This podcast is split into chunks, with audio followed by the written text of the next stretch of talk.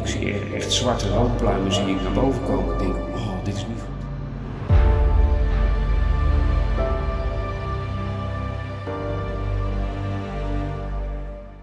Ik stond helemaal boven in de boutique.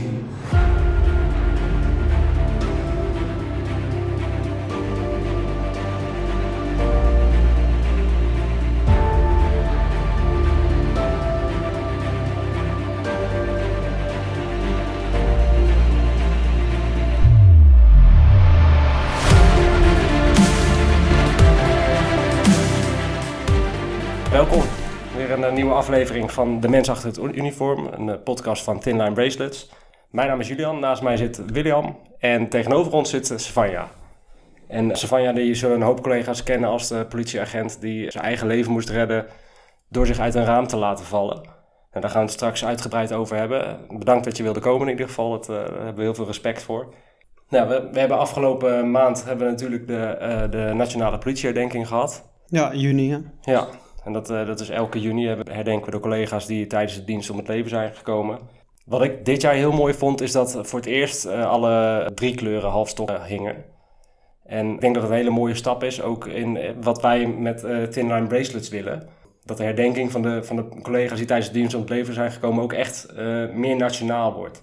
Ja, ik dacht eigenlijk dat dat al jaren zo was, hè? Dat, eh, dat, eh, dat de Nederlandse politie dat deed. Maar eh, jij vertelde mij net dat dat sinds dit jaar eigenlijk pas is. Maar dat is in ieder geval een goede zaak. En op social media zag je ook heel veel uh, Tin Blue Line vlag voorbij komen, hè? Die mensen hadden opgehangen. En uh, ja, super mooi symbool natuurlijk. Wat mij betreft is dit iets wat nog meer naar de voorgrond moet komen. En ehm, nee, ik denk dat we dat met deze podcast ook, ook weten te bereiken. Absoluut. Ehm Savanja, je- welkom nogmaals. Ja, dank. Zou je, zou je eens vertellen wie jij bent? Wat maakt jou de politieagent die jij bent? Nou, eh uh, Savanja Engwets. Nou, nu ruim twintig jaar werkzaam eh, voor de politie, politie Utrecht. Daarvoor een aantal jaren beroepsmilitair geweest, 1995 tot, eh, tot 2000. Ehm, en de afgelopen twintig jaar verschillende bureaus in, eh, in Utrecht eh, stad eh, gewerkt. Ja, Utrecht stad is wel echt een plek waar je natuurlijk een hele hoop, eh, hele hoop meemaakt. Bijvoorbeeld, jij werkt op Kanaleiland. Wat, wat typeert nou dat deel van, eh, van Utrecht? Nou, wat wel mooi is, hè, kom, kom ik zo meteen nog maar wat wel mooi is, is dat je ziet dat iedere wijk, iedere locatie heeft gewoon weer zijn eigen eh, bevolkingssamenstelling, zijn eigen dynamiek. Ja, dat is heel erg, heel erg mooi. Ik vind vooral de diversiteit binnen, binnen Utrecht-Zuid maakt de wijk, ik, zag, ik zeg altijd welkom binnen het eh, warme zuiden van, eh, van, van Utrecht. ja. En al twaalf jaar dus nu in Kanalen, zeg je. Ja, ja. En uh, in, in, wat voor rollen of functies heb je dat gedaan? Binnen de politie? In het verleden uh, groepchef geweest. Um, uh, tot het landelijk functiehuis dan eigenlijk uh, kwam. Vervolgens ben ik senior geworden op een, op een ploeg. Bleef gewoon de incidentenverhandeling draaien.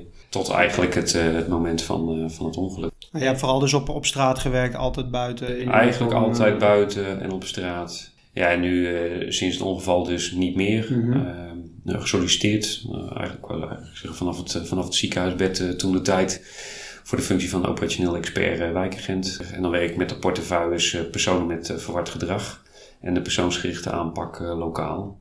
Ja, dat is echt, echt, echt heel erg mooi. Ja. Zeker als je het over persoonsgerichte aanpak hebt natuurlijk. Hè? Want het klinkt misschien heel vaag voor mensen, maar persoonsgerichte aanpak dat houdt eigenlijk in dat je de mensen die, waarvan, die eigenlijk opvallen bij de politie en hulpverleningsinstanties, ja. die, die echt hulp nodig hebben, want dat is eigenlijk altijd het, het, doel van de persoonsgerichte aanpak, die ga je multidisciplinair, dus met, met de gemeente, met bijvoorbeeld Veilig Thuis, het jongerenwerk, nou ja, noem alle instanties die je maar kan bedenken, worden die besproken. En zodoende wordt er een goed, ja, mag ik het aanvalsplan noemen? Ja, Super belangrijk toch? Dat je ja. een goed plan hebt ja. om iemand uh, zo goed mogelijk te kunnen helpen in, in, in honderd verschillende situaties natuurlijk. Zeker. De echte hulpverleningskant eigenlijk. En, um, en je, hebt in Utrecht gewerkt in incidentverhandeling. Daar maak je ook uh, van alles mee natuurlijk. Uh, leuke dingen, misschien minder leuke dingen. Heb je, heb, je, heb je een leuke anekdote die je kan vertellen die je tijdens je werk hebt meegemaakt? Ja, dat heb ik inderdaad. Aan de voorkant wist ik dat die vraag natuurlijk zou komen. ik heb er uiteraard wel over nagedacht. En er zijn nog allerlei zaken die dan de revue passeren. Dat zullen jullie ongetwijfeld zelf ook hebben, net als, uh, als de luisteraars thuis. Ik kan me nog herinneren, nou, ik denk dat dat een kleine twintig jaar geleden is op burgemeester Rijgenstraat, als ik me niet vergis. Maar dat zou ook nog een straat dichter bij het centrum uh, kunnen zijn. Met een, uh, een, een ramkraak uh, s'nachts gepleegd op een, op een opticien. En die daders gingen er vandoor met z'n drie op een scooter. Nou, dat is natuurlijk al opvallend. Uh, ja. drie mensen op een scooter dwars die binnenstad heen. Met z'n drie op één scooter? Met z'n drie op één scooter. Okay. En uh, nou, hadden kennelijk een gedeelte van de buik nog bij, uh, inbreekswerktuigen, een grote voorhamer. En die hebben kennelijk een bepaalde lus gemaakt en die zouden weer terugkomen richting de binnenstad. Mm, of dat nou ermee te maken had dat ze ergens collega's tegenkwamen of zelf deels onbekend waren. En ik reed op dat moment samen met, uh, met de wijkagent vanuit de binnenstad in een burgervoertuig. En uh, ja, wij draaien eigenlijk de zijstraat in. Nou, dat is echt stapvoets uh, gebeurd. Ja, en dat hadden zij kennelijk nooit verwacht. Nooit verwacht dat daar nog politie zou zijn, al helemaal niet in Burger. Dus we rijden de straat in, doen allebei ons portier open. Die scooter van die mannen, die schuift eigenlijk gewoon over de motorkap heen. Die drie mannen ervan af. En we hebben Kat allebei, in bakkie, uh, uh, allebei een aanhouding verricht. En die andere werd even verderop uh, aangehouden. Nou, dat, dat, dat, ja, dat zijn toch wel... Ja, dat zijn de, aanhoudingen die... Daar doe je het voor, toch? Ja, ab, absoluut. Ja. ja. Dat zijn echt... Want je, eigenlijk nou, als, als politieagent hoop je eigenlijk elke dienst dat je zo'n aanhouding ja. hebt, toch? Je wil, elke dienst wil je... Hey, we, we, krijgen vaak meldingen van een heterdaad inbraak... of uh, van inderdaad een heterdaad uh, rampkraak. Of, ja, vaak lijkt het dan, blijkt het achteraf dan toch mee te vallen... of is het loos of... Ja, of ze zijn op weg. Zijn al weg maar hoe vet is het dat, je dan, dat het dan lukt om, om die gasten te pakken? En geen gewonden, dus dat is helemaal mooi. Zo, dat wou ik zeggen. Ja. want dat, is, uh, dat is wel het tweede. Want je wil ook niet dat iemand komt te overlijden na, na zo'n aanhouding. Of ernstig gewond raakt. En dat is natuurlijk nooit je doel. Je doel is gewoon die boef vangen. En hoe vet is het dan dat het dan op een veilige manier eh, dat dat lukt? Ja, dat, dat, dat geeft echt, uh, wat je net zegt. Een, uh... Als je dan uh, terug op het bureau komt, dan moet je eerst uh, 15 keer het verhaal vertellen aan de, aan, de, aan de, lopende dienst die er dan nog is. En dan komt de, de volgende dienst komt dan. Hè, bijvoorbeeld als dit in de late dienst is gebeurd en de nachtdienst komt, dan mag je weer 15 keer het verhaal vertellen. En dat, ja, dat is hartstikke mooi. Dan kan je weer even, even opteren dan. Hè? Dat zijn dan hele vette aanhoudingen. En uh, er zijn ook natuurlijk meldingen die, die, die, ook vet lijken in eerste instantie, maar uh, toch misschien wel meer impact maken dan dat je uh, vooraf kan bedenken. En daar heb jij misschien wel wat over te vertellen, William. Nou ja, je had het net over boekschrijven natuurlijk, of, of moeten kiezen uit incidenten. Ik, ja, ja inmiddels 12,5 jaar, bij de, 12 jaar bij de politie. Hè, en, ehm, ja, wat, wat is een heftig incident dan? Dat kan op verschillende vlakken zijn, emotioneel of uh, gewoon heel luguber. Of, uh, maar ik denk wat voor mij het incident wat de meeste uh, indruk heeft gehad, is denk ik um, een aantal jaar terug um, ben ik bij een incident geweest waarbij ik um, heb geschoten twee keer. Dat waren dan waarschuwingsschoten. en zonder te veel in detail te treden daarover, de, de zaak dat het herleidbaar is of wat dan ook. Um, had die persoon mogelijk een vuurwapen bij zich wat hij, eh, wat ging gebruiken. Hij rende van mij weg. En uh, ik zeg, uh, laat je handen zien, laat je handen zien. En ik zie dat hij gewoon met zijn handen langs zijn lichaam rent. En um, op een gegeven moment naar voor zijn buik grijpt om mogelijk iets uit zijn broeksband te halen. En op dat moment denk ik, ja, hij gaat, het, hij gaat een vuurwapen pakken en hij, richt dat op mij. Of dat gaat hij doen. En op dat moment uh, ja, gaat alles zo snel. En in een split second denk ik, oké, als ik het vuurwapen zie, dan dan ga ik sowieso gericht op hem schieten. En zo, zolang ik vuurwapen niet zie, wordt het waarschuwingsschoten, zodat hij zijn handen weer langs zijn lichaam doet. Nou ja, zo gaat het dan in één seconde dat je die afweging maakt tijdens het rennen in het donker. En uh, nou, los ik die schoten. Nou ja, uiteindelijk uh, is die casus afgerond. Niemand gewond. Eén verdachte is aangehouden. Um, maar wat, wat, het voor mij vooral heftig maakt is... ik, ja, ik wist dat het goed was gegaan allemaal. En dat, dat, het, dat ik goed had gewerkt met de collega's. Maar de dag daarna vooral, uh, ik was zo net een paar maanden vader geworden van, uh, van een zoontje. En uh, die dag daarna stond ik met hem in mijn armen. En ja, ik was hem aan het knuffelen en ik dacht in één keer, in één keer besefte ik het van, ja, ik, ik, ik werk niet, met alle respect, ik werk niet bij de groenteboer. En ik, ik kwam nu in één keer in die, in die situatie waar, waarbij ik in één seconde moest handelen en moest, moest acteren. Want ja, achteraf ben ik nog steeds overtuigd, als ik dat niet zo snel had gedaan, dat het heel anders had kunnen aflopen, zeg maar. Want deze gast die, die, van mij wegrende, die, had niks te verliezen. Dus dan denk ik, ja, dus nu ik het krijg ik weer kippenvel. Dat vind ik ook echt goed aan jou. Je hebt direct ook op het bureau kenbaar gemaakt. Iedereen die merkte van ja, dat, dat, het, dat het jou wat deed. Ja, absoluut. En dus dat betekent ook dat, dat collega's wat meer aandacht voor je hadden op dat moment. Hè? Ja. Dat, dat we, uh, nou ja, je kon je verhaal honderd keer, duizend keer doen. Ja, absoluut. En, omdat het voor jou ook belangrijk is om dat verhaal vaak te doen. Ja, en ik zou dat ook zeker als tip geven aan iedereen die, uh, ja, die, met, die zoiets meemaakt, zeg maar. Dat je, uh, doe je verhaal gewoon en helemaal collega's. Want ja, veel collega's weten hoe het is om, om, die, om die heftige dingen mee te maken. En ja, achteraf toen het onderzoek was afgerond, uh, heb ik allemaal echt een super plek kunnen geven. En dat was ook de afsluiting daarvoor. Maar vooral, voor mij was vooral die trigger die dag daarna van ja, die kleine, die, eh, ja, ik, ik ben zijn papa. En eh, als het anders was gelopen, dan, dan was hij er niet meer geweest. En eh, ja, dan besef je ook soms, ja, waar, waar, waar doe ik het allemaal voor? En ja, hoe doe ik het? En ja, je moet gewoon goed opletten en handelen in een split second. Ja, dat, dat we krijgen heel vaak op straat. eh van ja, zou je ook meegemaakt. Iedereen, alle kinderen vragen vooral aan ons altijd veel. Heb je wel eens moeten schieten? Ja. of heb je je Zeker. pistool wel eens gepakt? Nou, Of, liever eh, niet. Nou ja, maar inderdaad, het beseffen, ik denk bij heel veel inwoners, is er, is er niet dat, dat schieten best wel inderdaad heel heftig is. Want je beslist in een seconde over iemands leven eigenlijk. Hè? Dus dat is best wel een, eh, een heftig... Ja, en, en, en jij wordt in die positie gebracht door die, door die boef, zeg maar. Precies. Die, die kiest ervoor om dit te doen. En Nou ja, als, maar als ik jou al hoor zeggen dat je bedenkt, als ik het vuurwapen zie, ga ik gericht schieten, Ja. anders wordt het een waarschuwingsschot. Ehm, hij heeft misschien wel iets in zijn, vuur, eh, in zijn broeksband zitten. Mhm. Noem maar op. Dat, dat lijken heel veel gedachten waar je lang over nadenkt. Maar dat gebeurt misschien in een halve seconde dat dat door je heen gaat. Ja, zo niet minder. Ja, er waren destijds ook eh bodycam beelden. En als je dat dan achteraf terug, terugkijkt en luistert, ja, dan zie je van, van het roepen tot aan het schieten. Dat, ja, dat, dat, dat is, dat is in seconden. ademteugen. Ja, dat, is echt niet normaal, zo snel. En dat, het is wel mooi om te zien dat je dan toch weer terugvalt op eh, ja, wat wij dan leren bij, eh, bij de trainingen en zo. Dat, ja, had ik nooit gedacht. En ik, ik, ik hoopte altijd dat als ik in een situatie zou komen, dat ik het dan ook wel zou doen. Of ja, omdat je toch wel heel terughoudend bent daarin, hè. Omdat het het laatste middel is. Maar Wat dat betreft ook weer een stuk vertrouwen. Hè? Dat je ook van jezelf weet dat je als het moet, dat je ook gaat. voor je eigen veiligheid en anderen, absoluut. En dan ben je daarin eh, in getraind. Maar je komt natuurlijk ook bij meldingen waarin je niet kan trainen. En dat is iets wat jij van je hebt meegemaakt. Zeker. En ehm, nou ja, ik heb het jou al eerder het, het verhaal horen doen. En ik, ben, ik hoop dat je het verhaal net zo mooi weer kan vertellen. En ik ben heel benieuwd eigenlijk al naar de melding die jij kreeg op die dag. Ja, waar je zat, waar je gewoon helemaal echt... eh ja. Helemaal, helemaal terug naar die data. Want dat is 2018 is het gebeurd, hè? Ja, In de 21, zomer. 21 juni eh, 2018. Nou, je zit eigenlijk net voor, eh, voor de zomervakanties. Nou, we waren nog best met een eh, redelijk club mensen. Drukke dienst, echt een drukke dienst. Eh, van, van, van de ene melding naar de andere melding. En nou, ik denk dat het rond een uur of half negen eh, was dat we eigenlijk aan, eh, aan eten toekwamen. Eerder eh, wilde dat gewoon niet, de avondmaaltijd. En vervolgens werd een van de collega's die werd eh, gestuurd naar de Marshall aan in verband met een, eh, een uitslaande woningbrand. Ja, daar werd hij alleen naartoe gestuurd. Nou, dan voel je al aan van, nou, dat is niet handig. Nee. Eh, De Marcellaan is eigenlijk eh, nou, midden in de wijk. Dicht bevolkt, gewoon. ja, Marshallaan is, eh, is midden in de wijk, centraal op de kop met de Van Heuvel Goedheidslaan. Dus je weet, als je daar een melding hebt en er komt politie, dan staat het er vol met mensen. Nou, zeker natuurlijk bij een brand. Hè? Ja. Toch ook mensen die eh, nou, benieuwd zijn wat er dan precies gebeurt. En willen kijken of ze nog wat, eh, wat kunnen betekenen.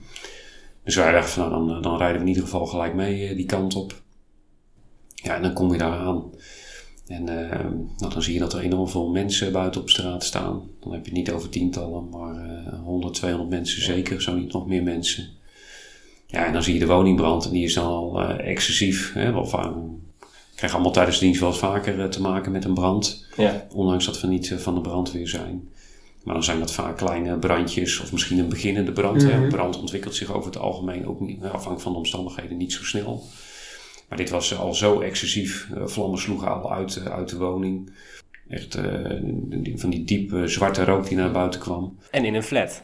En in een flat, op één hoog. Hè, dus nog een aantal etages erbovenop, twee etages erboven. En nou, gelijk contact gemaakt eh, met de mensen die daarvoor stonden. Nou, die gaven al aan van, nou joh, eh, het zou kunnen zijn dat er toch nog mensen binnen zitten. Ik zeg, nou, dan gaan wij ook naar binnen. Hè, we zijn niet van, eh, van de brandweer, maar we zijn wel hulpverlener. Dan gaan we kijken of we daar nog wat kunnen betekenen, mits de omstandigheden het toelaten. Ja. En dan een portiek inderdaad. Eh, en dan is het doel denk ik ontruimen. Ja, zeker. Ja. Voor hetzelfde geld had er nog iemand in die woning geweest. Ja. Dus je, dat wil je in ieder geval uitsluiten. Dus kijken of je op de een of andere manier nog contact kan krijgen. Maar ook inderdaad de andere woningen, daar ging het ook om. om nou, mochten daar nog mensen aanwezig zijn, dat we die in ieder geval daar uit, eh, uit de flat halen. Ehm, en eigenlijk vanaf het moment eh, dat we nog buiten staan, en dan is de portiekdeur nog gesloten, Mhm. tot het moment uiteindelijk dat ik daar buiten aan het raam hang, daar zitten 90 seconden tussen. Je? Dus dat is het, dat is het. Bizar. Dat is echt bizar. Dat is echt, want, als ik, want je bent een schoon portiek ingegaan. Ja. Dus er is, eh, er is een portiek waar je veilig in kan. Ja, wat je vervolgens dan ziet, hè, eh, ehm, samen dus met een aantal buurtbewoners eh, hebben die portiekdeur ingetrapt. vervolgens naar binnen gegaan. Dan sta je uiteindelijk, hè, je gaat het trapje omhoog. Dan zie je wel wat lichte rook, zeg maar, onder de voordeur doorkomen. Het waren van die nieuwe, nieuwe voordeuren. Uh, ja, die zijn nog een behoorlijke tijd uh, brandwerend. Ja. Ik weet niet de exacte tijd, kan wel een half uur zijn. Mhm. Maar die zijn een behoorlijke tijd brandwerend. En eh, vervolgens op de deur geklopt, aangebeld. Uh, mijn collega is daar achtergebleven samen met een aantal uh, buurtbewoners. Bij het pand waar de brand was? Ja, ja bij de voordeur. En, uh, en ik ben vervolgens snel de andere vijf woningen die nog op hetzelfde portiek zaten, die heb ik uh, gehad. Nou ja, dan heb je het over tientallen seconden tot ik boven bij de laatste woning ben, zeg maar. En ik hoorde wel dat het tegen de deur aan werd getrapt. Toen dacht ik al, oh, dat is niet heel handig. Ehm, ja, en nou ja, net wat je eigenlijk ook al benoemd, William. Het, het speelt zich af in luttele seconden. Uh, je denkt aan het een, soms ben je nog met het andere ben je bezig. En ik, ik, heb net aangebeld bij de laatste deur en op de voordeur geslagen van dat portiek. En, en, en ik draai me om en ik zie echt zwarte rookpluimen zie ik naar boven komen. Ik denk, oh, dit is niet goed. En jij stond boven? Ik stond helemaal boven in het portiek. En vervolgens ren ik terug de trap af. En dan sta ik op ongeveer anderhalf hoog. Dus tussen de eerste etage waar de brand dan in een van de woningen woedde. En de tweede etage. En dan zie ik de voordeur van die woning zie ik openstaan. Althans, waar daarvoor de woning had gezeten. Want die voordeur was niet meer zichtbaar. Ja. Als één groot, ja, ik wil zeggen zwart gat. Je ziet één groot dik uh, rookgordijn uh, het portiek uh, inkomen. En het geluid van... Ja, en, en, en, en, en nou dan, ja, wat, wat, wat, voel je dan? Wat denk je dan? Het gebeurt in een split second. Ik denk, ja, dit was hem. Ja. Dit was hem. Van einde, je kan geen kant nee, op. dit was hem. Ja, jammer. Jammer dat het zo moet eindigen. Ja, en dat, dat, dat denk je. En uh, ik denk, joh, waar, waar, kan ik nog heen? Je kan hier nog even gaan zitten, want de lucht is dan nog even schoon. Maar hoe lang weet je af naar de lucht die je inademt, dat is je zo... ziet al dat, hoe snel dat, gaat dat, is klaar. Ik denk, nou dan nog maar even terug naar boven. Daar was de lucht net nog schoner. Maar ja. goed, we weten allemaal, rook stijgt op. Ja. Dat gaat allemaal verder het, uh, portiek in. En dan zie ik nog een raampje op 2,5 hoog. Dus tussen de tweede en de derde etage. En aan de voorkant van het, van het portiek een, een, een smal raam. Ik denk nog, oh, zal, ik, zal ik die ruit inslaan met mijn wapenstok? Zal ik naar buiten schieten? Ik denk, dat is niet handig. Er staan een aantal bloempotten voor. Ik denk, oké, okay, pak een bloempot, kijk met die bloempot hoe ver ik kom. Alleen moet die bloempot ook niet naar buiten gooien. Wie weet, Mm, wie die ja. anders die bloempot Ja. nog Maar bizar dat je eigenlijk daar nog mee bezig bent. Hè? Dat je, Ja, je en- bent je eigen leven aan het redden. En op dat moment zit je in, in, in de, de 60 seconden nog. Want je zegt net, eh, in 90 seconden laat ik mezelf vallen. Hè? Dus dan zit je, ja, bizar wat, er allemaal, wat je allemaal Ja. doet op dat moment. Ja. Ja, en dan tik je dus die ruit eruit. Eh, ik denk, nou, mijn hoofd naar buiten, zo snel mogelijk in ieder geval frisse lucht eh, inademen. Nou ja, dat lukt. Ja. Alleen ondertussen, dat zie je ook op de beelden, maar dat ervaar je natuurlijk zelf ook. Van, nou, dat trekt toch allemaal al, al, al rook langs. Ja. Nou, we weten zelf ook, hè, de meeste mensen komen bij een brand niet om het leven door, door de brand zelf, maar echt gewoon door verstikking, door de, door de vervuilende rook. Dus ik denk, ja, eh, ik zie nog, nog geen brandweer. Laat ik in ieder geval maar gaan hangen. Ja. En dan mezelf eh, zo, lang, eh, zo lang mogelijk maken. En ehm, ja, dan hang je daar. Dan denk ik van ja, wat is dan handig hè, om, eh, om te doen? Want dat is van de eerste verdieping dan, hè? Dan heb, dan Nou, dat, is van, dat is vanaf 2,5 hoog. Ja, Dus vanaf 2,5 hoog hang je. Dus ehm, ik zit even te denken, volgens mij kwam je aan 9 meter nog wat, zeg maar, totaal tot, tot aan de grond. En tot het afdakje waar ik op ben gekomen heb je het over eh 6,5 meter. Ja. Dus dat is ongeveer de gemiddelde dakgoot in, eh, in, eh, in, in, eh, in Nederland, Ja, zeg maar. maar dan weet je al, als je daar hangt, dat, dat, dat, gaat, dat gaat niet goed komen. Nee, terwijl je daar hangt, denk je daar natuurlijk ook over na. Van, Ja. nou, wat, is, wat, is, wat is handig? Had je op de grond terechtgekomen? Alleen de grond was natuurlijk gewoon nog een paar meter verder. Ja. Was ook niet bereikbaar vanaf dat raam. Eh, maar anders maak je een wat zachtere landing uiteraard als, Mm. als op zo'n dakje. Dus je weet al dat het een hele harde landing gaat worden. Dan denk je nog, nou, oké. Ik heb in het verleden zelf ook eh, parachute gesprongen, van hoogtes afgesprongen. Nou, eh, hindernisbanen, andere zaken van bepaalde hoogtes. Of Weet hoe je ik hele manieren zeg van, maar, ja. van, van, van afspringen en hoe je moet neerkomen, hoe je moet landen. En het enige wat ik op dat moment kon denken, oké, laat ik mijn hoofd en mijn bovenlichaam gewoon heel houden. Niet tegen de flatwand aankomen. Nee. En dan gaan we wel zien hoe ik, hoe ik op dat dakje kom en hoe ik er vooral ook op blijf. En niet dat je vervolgens nog weer doorklapt. Eh, ja, en op dat moment sterk ik dus mijn benen en heb je ze dus niet in een zogenaamde eh, sp- ja, spronghouding, spronghoek. Eh, en land je dus vervolgens vol op je, op je hielbenen. En dan kom je terecht op het dakje. Ja, dan weet je al van oké, dit is fout. We Ja, hebben een hele harde landing gemaakt ondanks dat gevoel heerste vooral uh, het gevoel van... Je leeft nog. Oh, ben er nog. Ja. Ja, ja, dus vooral eigenlijk opluchting. Want je hebt heel veel gebroken toen, hè? En doet het dan met je als je daar ligt? En, uh, voel je dan direct die pijn? Of is het adrenaline? Of combinatie van, ja, van alles bij elkaar wat daar samenkomt. Net wat ik zeg, hè, dat je opluchting hebt, maar je hebt ook adrenaline natuurlijk die nog, die ja. nog vrijkomt. Uh, uh, gelijk eigenlijk al enorme pijn. Maar ja, ook een heel gaaf gevoel in die zin dat, ja, dit, dat, dat, dat die bewoners je komen ja, helpen. Dat die helpen van, ja. van, van dat portiekdak af te komen. Dat zagen we ook op de beelden toen, hè? dat ze allemaal het dak opsprongen gelijk en jou uh, begonnen te helpen daar. Want inderdaad, deze beelden zijn echt de wereld over gegaan. Hè? Wat, uh, dat, tenminste, zo, dat hebben wij echt ook op die manier ervaren. En dat, uh, wat het allermooiste is, want je staat daar op in een locatie waar de politie niet e-, altijd de beste vriend is van de inwoner. Tenminste, dat probeert de politie wel, maar dat, ja, er zijn toch verschillende meningen over vanuit de inwoners richting de politie. Maar hoe mooi is dat op dat moment dat dan iedereen daar voor jou uh, zijn best doet om jou daar weg te halen. En uh, iedereen is één daar. Ja, en nou, dat, is, dat is fantastisch. Hè, dat je op die manier uh, zelf zo geholpen wordt door, door de bewoners. Ja. Want hoe ben je daar weggehaald? Nou, een van de bewoners is dus het dakje opgeklommen. Die heeft mijn hond om mijn armen vastgepakt. En de anderen stonden al uitgerekt met, met hun armen, deels op het dakje. En die hebben hem vervolgens gezamenlijk vanaf getild uh, op zoek naar een uh, veilige, rustige plek uh, midden op, op de Marshallaan. Dus was, toen, was er toen al een ambulance en de brandweer was het toen op de plaats of is dat nog steeds allemaal in de Nee, die waren er nog niet. Die zijn in de loop van, van de tijd zijn die, zijn die wel te plaatse gekomen. Hmm. Ja. Want de, de, aanleiding was achteraf bleek, dat is ook in de media geweest allemaal, hè, dat het, dat het nou, helaas brandstichting bleek te zijn. Hè, dat er een, een vrouw overleden werd aangetroffen in die woning. Uh, wat super heftig is natuurlijk. Um, ja, want hoe ga je dat? Want het gaat, eigenlijk gaat het verhaal, de media richt zich vol op jou. Ja. Terwijl er eigenlijk daarachter heeft ook nog wat heftigs plaatsgevonden. Hoe kijk je daar tegenaan?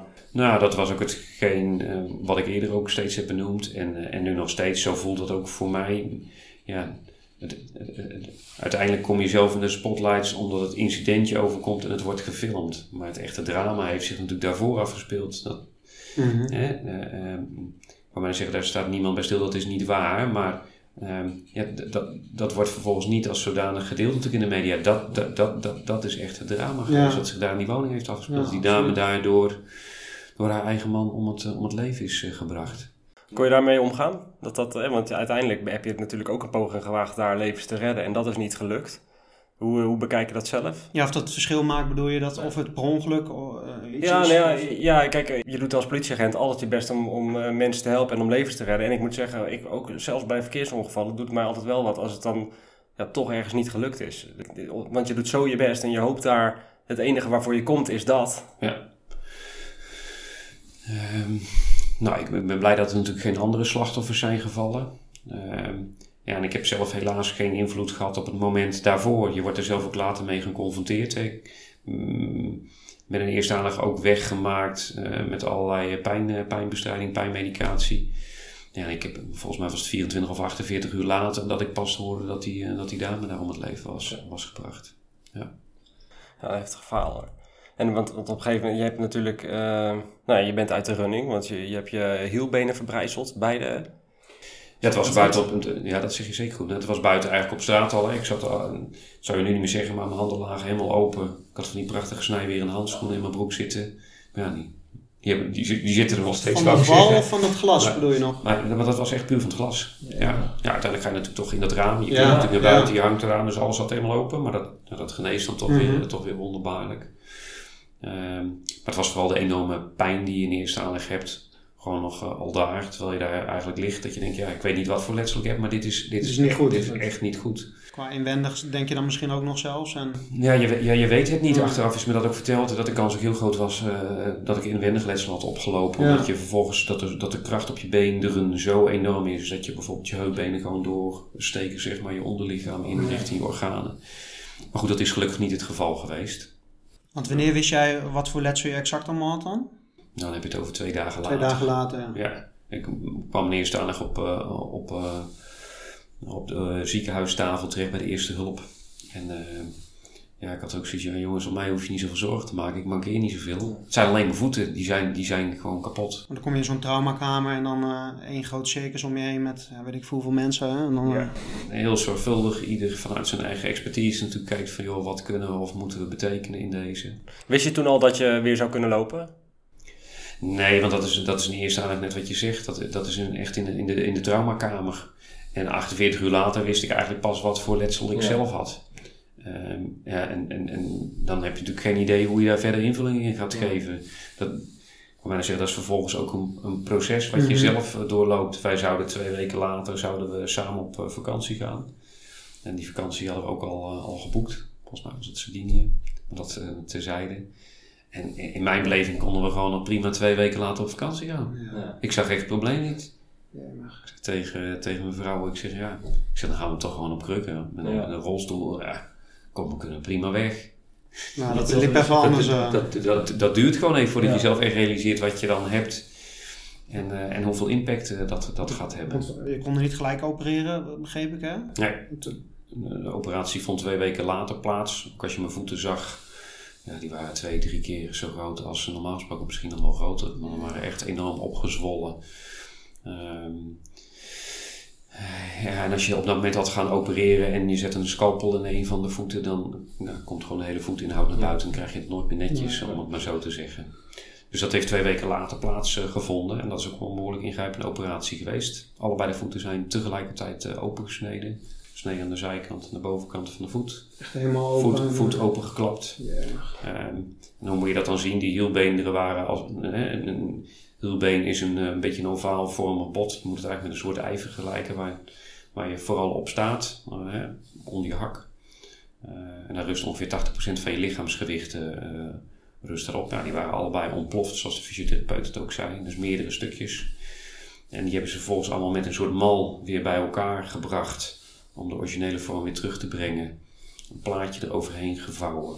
En dan verschillende schroeven erin gedraaid. eh, van verschillende lengtes. Biz- Bizar dat dat kan allemaal, hè? Dat is het... eh, Onvoorstelbaar. Ja, ik zie dat je, je hebt, dat zijn, je hebt Ja. die meegenomen, hè? Ja. Metalen, metalen schroeven en pinnen. Dat is echt, eh, Toen mijn best om niks te laten vallen. Maar dit zijn eigenlijk de twee plaatjes met in totaal dan... eh, nou, wat is het? eh, 24 schroeven die, eh, die erin zaten. ja, van, eh, wat is het, 2, 3 centimeter lang allemaal. En, Dat is verbazingwekkend als je sommige schroeven ziet dat ze niet aan de andere kant Juist, van je door je voet weer, heen komen, Weer, ja. weer, weer naar buiten komen. Ja, ja, want ik denk dat dit de gemiddelde dikte van een voet is af en toe, van mensen. Ja. Helemaal aan het begin. Bizar om te zien dit, joh. Maar dit moest, ja, dan, dan begint je herstel eigenlijk pas en met fysio heel lang. En ja, dit moet dan natuurlijk ook een keer uit die pinnen nog allemaal. Ja, kijk, als je dan aan het begin zit, dan eh, ehm, word je natuurlijk geopereerd. Die operatie heeft vier uur geduurd door vier chirurgen. Dus per voet twee, eh, eh, twee chirurgen. Die vervolgens dan dus twee uur met z'n tweeën bezig zijn per voet om het allemaal zo netjes eh, te krijgen. elkaar, ja. Ja, Hoe lang heb je in totaal moeten revalideren? Hoe lang ben je er echt uit geweest? Privé en werk? nou, ik heb, eh, ik heb in ieder geval drie volle maanden in de rolstoel eh, gezeten. En ehm, nou, daarna weer langzaamaan op, op krukken leren lopen. Maar uiteindelijk, hè, dat de laatste schroeven eruit zijn en dat het weer genezen is. Nou, ik er terug te halen, 2021. 2018 het ongeluk. September, januari. Volgens mij is dan voorjaar 2020 dat de laatste keer eh, de, de, de laatste schroeven eruit je in 90 seconden zeg je, het incident. In 90 seconden heb je eigenlijk gewoon anderhalf jaar, twee jaar. Ja, Dat en, gewoon- en eigenlijk, eigenlijk nog steeds. Ja, want dat is eigenlijk mijn volgende vraag nog. Van, ervaar je er nu nog eh, eh, last van, zeg maar? Ja, eigenlijk wel. Kijk, het, het, het, de, ehm, aan, aan, aan de voorkant, als je, dat realiseer je dan niet, maar eigenlijk heeft zo'n incident gewoon impact op de, op de rest van je leven. Je hebt Ja. een, een, een leven ervoor en je hebt een, een leven erna. En ik kan tegenwoordig best aardig lopen, maar als ik langer stilsta, krijg ik pijnklachten. Als ik eh, zonder schoeisel loop, dan krijg ik pijnklachten. Vaak met de opstart, als ik langere tijd stil heb gezeten. Mag niet meer hard lopen. Geen extreme dingen doen. Dus niet van bepaalde hoogtes afspringen of een hindernisbaantje of iets, Nee. of iets dergelijks. Maar goed, aan de andere kant, hè, daar moet je dan vooral naar kijken. Ben ik gewoon vooral dankbaar eh, dat ik er nog ben. Ja. En eh, dat je in ieder geval weer uit een rolstoel kan en mag komen. Als je ziet hoeveel mensen in Nederland Ja. gebruik maken van een Ja. rolstoel en daar voor altijd aan, aan verbonden zijn. Want wat, eh, hoe, hoe, hoe heeft dat mentaal eh, invloed op jou gehad dan? Want ja, wat je zegt, je bent blij dat je nog bent. En ja, absoluut eh, snap ik dat natuurlijk. Het had ook heel anders kunnen aflopen met zo'n incident. Ja. Maar heb je daar dan nog last van? Denk je daar vaak aan terug? Of Ja, eigenlijk een niet. plekje kunnen geven? Ik heb het zeker een plek kunnen geven. Wat scheelt is als je er veel met elkaar natuurlijk over praat. Nou, Ingmar Heitse, de Utrechtse dichter, had dat ook heel mooi gevat. Ik noemde het aan het begin al, eh, al een, een, een, een witte dag. En zo kijken we nog steeds naar. Ja. Voor mij was het geen zwarte dag, maar een witte dag. Ik ben vooral gewoon dankbaar dat ik er nog ben, dat ik er nog kan navertellen. En dat ik er tegenwoordig weer zo bij zit. Ja. Ja, want als ik jou zo zie zitten, dan eh, ja, een glimlach op je gezicht. En eh, ja, dat is mooi om te zien. Ik, vind, ik heb er echt respect voor als je zoiets eh, meemaakt. Hè, en dan, eh, Want Maar doet het bij jou wat met, eh, met volgende incident? Stel je voor dat je nu weer zo'n dergelijk incident krijgt. Kans is eh, aannemelijk dat het nog een keer gebeurt. Dat je bij een brand, woningbrand ja. terechtkomt. Het, nou, het zou kunnen. Vanuit mijn rol is die kans wel kleiner. Je hebt nu inderdaad Heden te andere- dagen. Maar goed, het zou natuurlijk wel kunnen. En ehm, nou, ik wil zeggen, als ik tegenwoordig de brandweer hoor, hè, alleen al het geluid van de sirene, dat Ja. doet toch wel wat met mijn gevoel. ja. Ehm, maar dat, dat kan ik prima een plek geven. Nou, dat is goed om te horen in ieder geval. Want Ja. wat, wat merkte jij van het, eh, van het familiegevoel? Hè? Want we hebben destijds een, eh, een berichtje online geplaatst. Nou, ik heb toevallig nog even terug zitten kijken. Dat is echt Honderdduizenden reacties volgens mij. Nou ja, het is echt zo ontzettend veel gedeeld binnen buitenland. eh, wa- want we hadden een oproepje gedaan voor, eh, om, om een kaartje te sturen. Hoe is het op jou overgekomen? Onvoorstelbaar. Ik wou bijna zeggen, niet in woorden te vatten. Kaartjes gekregen van Abu Dhabi tot Chiterek Stadil. Het, het, het is echt onvoorstelbaar. Ik heb ook steeds gezegd, en, en eh, het, het heeft me een hele tijd eh, gekost zeg maar, om alle kaarten te lezen. Omdat het zo enorm veel kaarten waren. mij. Maar ik heb gezegd, ik ben verplicht om ieder kaartje even te bekijken en te lezen. Ben ik verplicht naar degene die hem de moeite heeft genomen ja. om iets op te schrijven. En om hem op te sturen, eh, een kaartje aan te schaffen. Ehm, dat heeft echt heel veel tijd gekost. Maar ik heb daar iedere dag heb ik daar met een lach en met een traan heb ik, eh, heb, heb ik ze gelezen. En dat geeft je vervolgens ook gewoon weer een hele grote drive richting je herstel en richting de toekomst. Ik zou, eh, al zou ik niet eens kunnen herstellen, ik, ben gewoon verplicht aan iedereen die een kaart heeft Ja. gestuurd om gewoon weer op te knappen. En Ja, gewoon en ik weer denk ook uit, uit alle lagen, denk ik. Hè, van collega's, burgers en gewoon mensen die dachten van... ah, eh, die, die, die dat voorbij zagen komen en dachten... nou, hij moeten we een hart onder de riem steken. Ja, dat is. Bewoners uit de wijk, politiecollega's uit het land, professionals, eh, binnen- en buitenland. Nou, ik vind, ik vind het echt mooi om te horen dat, dat, dat het zoveel met je gedaan heeft en doet. Omdat ehm, mensen die krijgen dat vaak zo... Het is ondoenlijk om iedereen stuk voor stuk te bedanken en een, eh, eh, reactie te geven. Dus dit, dit krijgen ze vaak niet te horen, ondanks dat iedereen wel weet dat het iemand goed doet. Dus daarom vind ik het fijn dat je... Ja, maar dit heeft wel dit heeft een, een, groot, een groot verschil gemaakt. Echt een enorme boost gegeven. En, en ehm, ik heb zelf ook een brief meegenomen. En die wou ik toch even voorlezen. Ja, nou, die wil ik in ieder geval met jullie delen. Het, het, het- het zijn zo enorm veel kaarten geweest. En deze brief heb je toen ook ontvangen? Deze brief heb, Deze ik, zelf heb, heb ik, heb ik toen ook eh, ontvangen, inderdaad. Oh. En eh, door een van ehm, door een bewoner. En die zegt: eh, Lieve meneer agent, gisteren kwam in het nieuws dat u zwaar gewond was geraakt bij een ongeval aan de Marselaan in Utrecht. Ik las het, las het nieuws zoals ik ieder ander nieuwsbericht lees. Doorlezen en weer overgaan tot de orde van de dag. Totdat ik me realiseerde dat dit voor u onmogelijk is. Het overgaan tot de orde van de dag. U heeft de vreselijke sprong moeten maken die uw leven goed zal veranderen. Wat een angst moet u hebben gevoeld toen u daar die, die paar seconden hing en wist dat er maar één uitweg was. Er zijn geen woorden die uw mentale en fysieke pijn kunnen uitdrukken. Ik kon het niet meer loslaten, eerlijk gezegd. Ik ken u niet, u kent mij niet, maar ik heb de hele nacht gebeden. Ik heb gebeden dat u uw benen kan blijven gebruiken. Dat u er minder erg aan toe bent dan de beelden doen vermoeden. Ik heb me vanochtend toen ik wakker werd afgevraagd hoe, hoe u vanmorgen bent wakker geworden.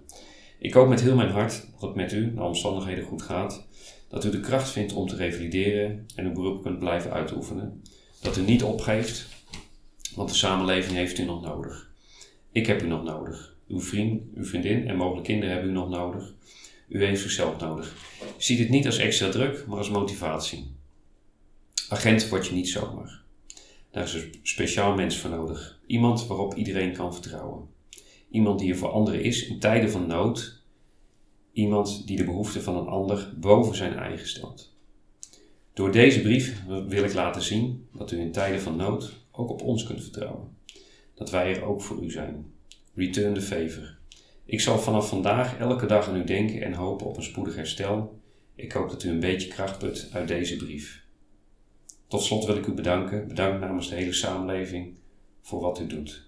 We love you. Wauw. Het is echt, Fantastisch. eh, ja. Nou, dit, voor, voor dit trek je elke dag je uniform. Ik had echt Ja. constant kippenvel toen je dat lezen, want, van, want hiervoor doe je het toch? En Ja. hiervoor trek je elke dag je uniform aan en hiervoor ga je elke dag het verschil maken. Ja. En deze podcast wordt nu, eh wat is het, het is nu 12 uur, ik heb later dienst, maar ik heb nu al gewoon zin om weer zometeen eh, met trots het uniform aan te trekken en naar buiten te gaan. Want dit is echt eh, ja, spijker op zijn kop eigenlijk. Zeker, zonder meer. Nee, dus ik, ik zag deze brief ook als gewoon als een, eh, nou, als een, als een heel groot eerbetoon aan alle politiemensen, Ja. alle brandweermensen, alle Ja. ambulancemensen, alle hulpverleners. Absoluut. Iedereen die, zich dag, dagelijks inzet voor, eh, voor onze vrede en, eh, en veiligheid. Ik heb het al vanaf dat je begint met lezen tot nu nog steeds echt Ja. kippenvel van, eh, van deze brief. En ik vind het echt heel mooi dat iemand de moeite heeft genomen om dit aan jou te laten Zeker. weten. Ja, Maar super mooi verwoord ook, toch? Dat is echt. eh, Ja. nee, heel pakkend. Heb jij iets wat je, wat je mee zou willen geven aan collega's? Bijvoorbeeld nieuwe collega's die nu eh, voor het eerst een uniform aantrekken. Of collega's die misschien al een, heel lang in dienst zijn, die dingen hebben meegemaakt, wat hun leven heeft veranderd. Wat, houdt je, wat maakt jou nou dat jij nu nog zo positief en zo... Nou ja, je ziet hem hier al liggen. Ik had hem ook even meegenomen. En eh, de kracht van, eh, van succes, die had ik al ruimschoots voor het eh, ongeluk. Die deed ik vaak iedere dag. Deed ik die open onder een, onder een spreuk uit te halen. Je hebt een oranje boekje in je hand. Dat, dat boekje heet De kracht van het succes. Ja, het is positief denken, de kracht van succes. En nou, daar geloof ik ook heilig in. Eh, ehm, maak het meeste van het beste en maak het minste van het slechtste. En als je, Dat mooi, als je dat toepast in iedere situatie, Ja. ja, wat heb je dan nog Dan nodig? heb je niks te verliezen Nee. eigenlijk. Hè? Ik, eh, de- ik vind het een hele mooie afsluiting van, eh, van een ontzettend mooie podcast wat mij betreft. En eh, volgens mij hebben we alles geraakt wat wij eh, willen, wat we willen raken en wat we willen bereiken met onze podcast. Zeker ook door toevoeging van je, van je brief. Dus bedankt dat je de moeite hebt genomen ook om, om die brief mee te nemen. Tuurlijk.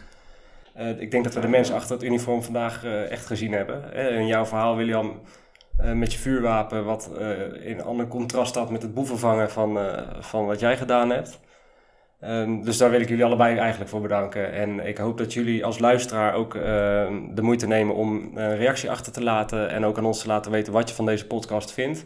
Eh, deel hem dus ook vooral onder collega's. Want ik denk dat de brief die je net is voorgelezen, dat die eh, veel groter bereik moet hebben dan dat hij tot nu toe gedaan heeft.